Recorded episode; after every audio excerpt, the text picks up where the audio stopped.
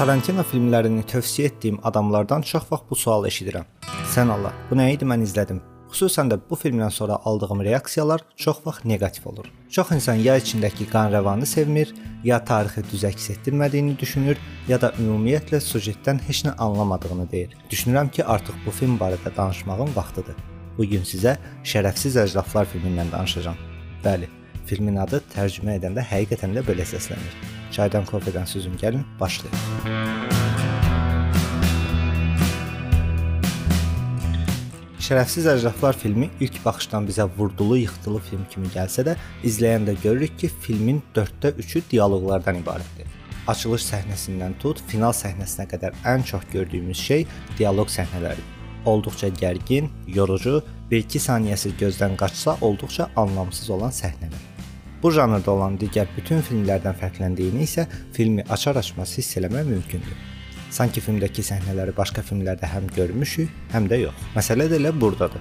Bu bənzərliklər bilərək atılmış addımlardır. Çünki Şərəfsiz Əclaflar filmi əslində öz janrında olan bütün filmləri ələ salır. Onları tənqid edir və bizim görməyə öyrəşdiyimiz klişələrin əslində nə qədər anlamsız olduğunu vurğulayır. Yaxşı, bəs nədir görməyə öyrəşdiyimiz şeylər? Biz həmişə bu tip filmlərdə görmüşük ki, baş qəhrəman olduqca güclü, ağıllı və bacarıqlı biridir.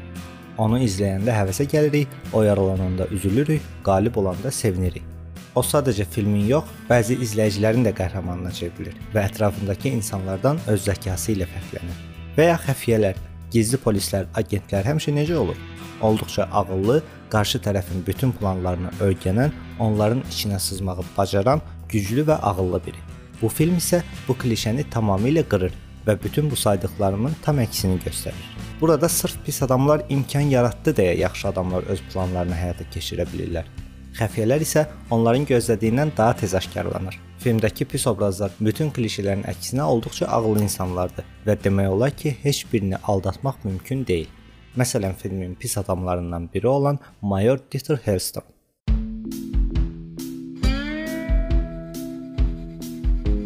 Pub səhnəsini bir yadımıza salaq. Dieter içəridə olan səs-küyə aydınlıq gətirmək üçün xəfiyyələrin yanına gəlir. O alman zabitlərindən şübhələnir və düşünür ki, onlar yalan danışırlar. O məşhur üçbarmaq səhnəsində isə görürük ki, artıq hər şey hər kəsə aydındır. Məsələ burasındadır ki, səhnəyə başdan sona bütün dialoqlara, jestlərə və mimikalara diqqət yetirərək izləsək görərik ki, əslində Dieter başdan bəri pubda oturanların alman zabitləri olmadıqlarını bilirdi. Onun məqsədi aktrisanın bütün bunlarla olan əlaqəsini aydınlaşdırmaq və casusları sərxoş edib onları zərərsizləşdirmək idi. Məs ona görə də onları aşkara çıxarmaq əvəzinə onlarla oyun oynamağa başlayır. Yaxşı, bəs bütün bunları biz hardan bilirik? Əlbəttə ki, dialoqlardan və filmdə daha öncə göstərilmiş səhnələrdən. İlk baxışdan elə bilirik ki, zabitlər məhz bu üç barmaq səhnəsində özlərini ələ verirlər. Çünki bu zaman Dieterin sifət ifadəsi anidən dəyişir. Lakin Dieter bu barədə heç kəsə heç nə demir. Bizə bunu aktrisa deyir. O düşünür ki, əclaflar 3 işarəsini səhv göstərib. Almanlar 3 rəqəmini belə göstərmirlər. Halbuki Dieter masaya yaxınlaşanda artıq ilk olaraq Hickoxun ləhcəsindən şübhələnmişdi. Hickox düzəməlli açıqlama verə bilmədiyi üçün Dieter əclafları daha da sıxışdırmaq qərarına gəlir. Hickox daha sonra söhbət əsnasında yalandan deyir ki, o keçmişdə Pittspaulun Ağ Cəhənnəmi filmində çəkilib. Çünki o düşünürdü ki, Dieter böyük ehtimal bu filmə heç vaxt baxmayıb. Baxıbsa belə çoxdan baxıb və çətin ki, oradan nəsə xatırlasın. Lakin izləyicilərin gözündən qaçırdığı bir nüans var. Bu nüansı elə Hickox özü də gözdən qaçırdı. Hickoxun xəbəri yox idi ki, o filmi elə dünən axşam Şoşannanın kinoteatrında göstəriblər və alman zabitləri dünən kinoteatrda bu filmi seyr ediblər. Biz bunu alman zabitinin Şoşannaya təşəkkür etdiyi səhnədə görürük afişada göstərilən film Pittspaulun Ağ Cəhənnəmi filmidir. Çox izləyicinin bu detala diqqət yetirməməsinin səbəbi odur ki, Azərbaycan izləyicisi filmləri çox vaxt dublyaj ilə izləyir və o möhtəşəm dublyajlarımızda yazıları da altyazı ilə tərcümə eləmək əvəzinə sadəcə danışıqları tərcümə etdikləri üçün biz orada yazılan yazı ilə adamın dediyi sözün eyni olduğuna diqqət yetirə bilmirik. Digər gözdən qaçan məqam odur ki, Dieter Hickoxun film barədə bu qədər şey bildiyinə təəccüblənir ən azından özünü təəccüblənirmiş kimi qələmə verir. Çünki Hicks müharibədən əvvəl kinokritik olub və Dieter düşünür ki, qarşısındakı adam həmin o məşhur kinokritikdir. Yəni casusdur. Elə tam da bundan əmin olmaq üçün o oyun oynamağı təklif edir. Hicks kağıza Georg Paps'ın adını yazır. Georg Pabst bayaq sözü gedən filmin rejissorudur və Hicks onun haqqında öz kitabında məqalə yazıb. Bu barədə o əvvəlki səhnədə danışır. Amma burada əsas məsələ Dieter'ın Hicksa nə yazdığıdır. Bridget Horney. Bridget Horney çox da məşhur olmayan bir aktrisa idi. Sadəcə 43-cü ildə çəkilən Münhazin filmindən sonra məşhurlaşmışdı. Lakin o dövrdə alman filmləri başqa ölkələrə satılmadığı üçün və film 3-cü Reich barədə xüsusi sifarişlə çəkilən film olduğu üçün sadəcə həqiqətən alman zabiti olan bir adam o aktrisanı yaxşı tanıya bilərdi. Hicks özü də əvvəl qeyd etmişdi ki, müharibəyə görə son 3 ildə çəkilən filmləri izləyə bilməyib. Dieter bilir ki, Hicks həqiqətən də cəsusdursa, onda 43-cü ildə çəkilən filmdən xəbərsizdir və növbə Hicksə çatdıqda özünü ələ verəcəkdir.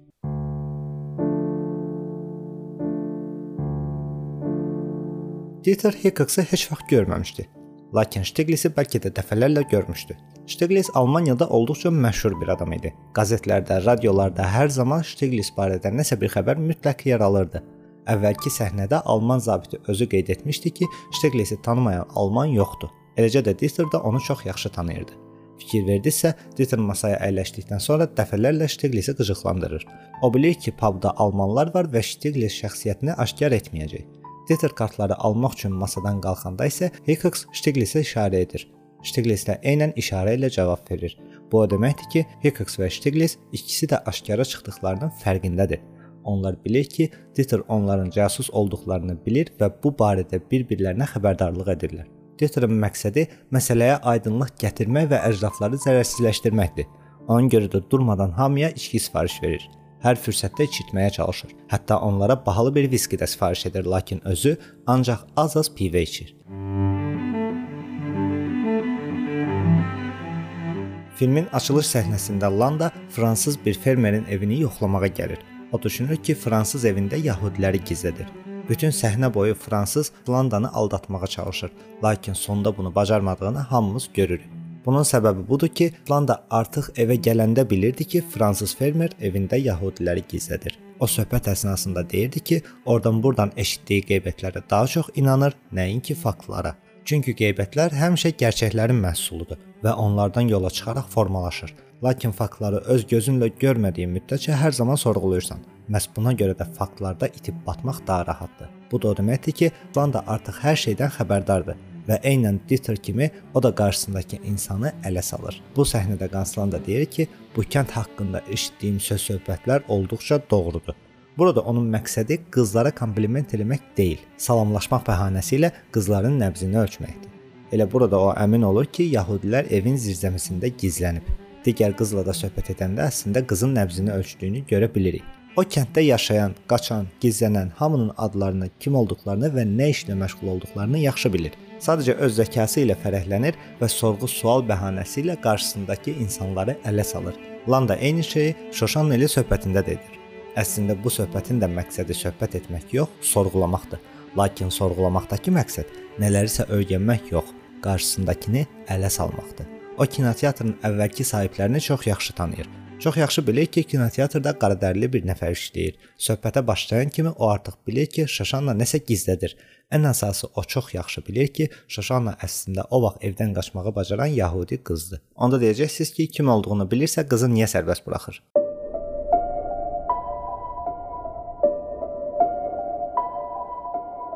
Qızı buraxmağının tək səbəbi o idi ki, Landanın məqsədi artıq yəhudiləri ovlamaq yox, sağ qala bilməkdir.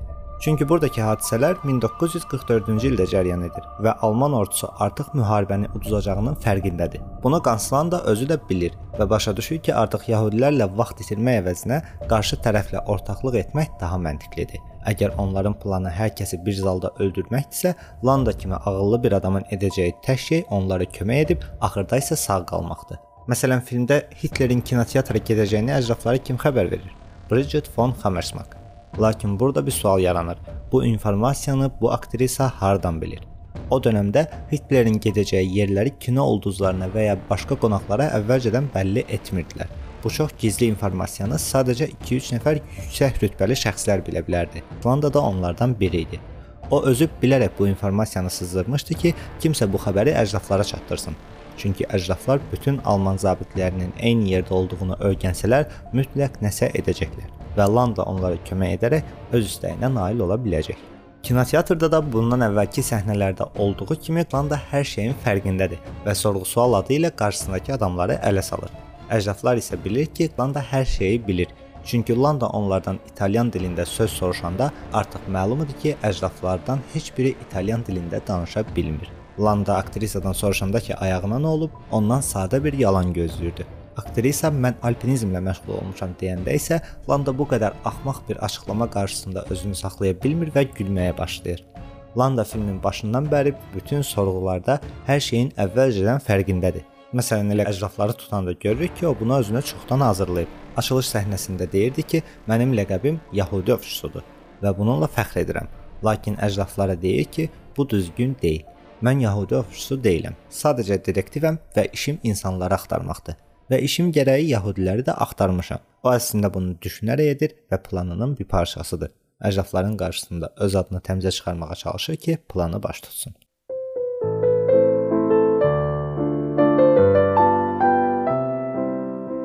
Bütün bunlardan belə nəticəyə gəlirik ki, filmin baş qəhrəmanları əslində o qədər də yaxşı keyfiyyətlərə malik deyillər. Digər tərəfdən filmdəki bəzi düşmənlər işlərinin professionalı, ağıllı, güclü və mərd insanlardır. Biz filmdə görəndə ki, Alduraynın adamları almanlara necə zülm edirlər, düşünürük ki, bəli, bu belə də olmalıdır. Digər tərəfdən biz görəndə ki, kinoteatrda göstərilən filmdə alman əskəri özünü necə müdafiə eləyir, onda da düşünürük ki, bəli, bu belə də olmalıdır. Yəni şiddətin gərginliyindən, yerindən və zamanından asılı olmayaraq filmin onu hansı kontekstdə istifadə etməsinə görə şiddətə duyduğumuz hisslər dəyişir. Əgər şiddəti patriotluq hissləri ilə qarışdırıb bizə təqdim etsələr, biz bunu avtomatik olaraq yaxşı bir şey kimi qəbul edirik. Əslində isə şiddət elə şiddətdir. Tarantinonun izləyiciyə çatdırmaq istədiyi gerçəkdən məsələ budur. Hansı duyğularla, hansı düşüncə ilə olunur, olunsun fərqi yoxdur. Şiddət elə şiddətdir. Ümumiyyətlə bir filmə yaxşı və ya pis demək olduqca rahatdır. Lakin film üzərində düşünmək, deyilənləri, göstərilənləri anlamağa çalışmaq çox çətindir. Nəticədə isə filmi bəyənib bəyənməmək məsələsi müxtəlif zövqlərə və istəklərə görə dəyişə bilər. Elə filmlər var ki, beyin doldurur, elə filmlər var ki, beyin boşaldır. Beyin qurudan və neyronları azaldan filmlər də var əlbəttə, lakin o filmlər bu buraxılışın mövzusu deyil. Bu film diqqətli izləyicisinə bir filmdən qat-qat artıq şeylər verir. O başa salmağa çalışır ki, əslində bizim gördüyümüz bütün bu klişelər olduqca mənasızdır. Filmin əslində müzakirə olması çox səhnəsi var, lakin bu barədə daha çox danışıb başıva ağrıtmaq istəmirəm. Yaxşı filmlər izlə, öz və yaxşı bax, gələn dəfə danışarıq.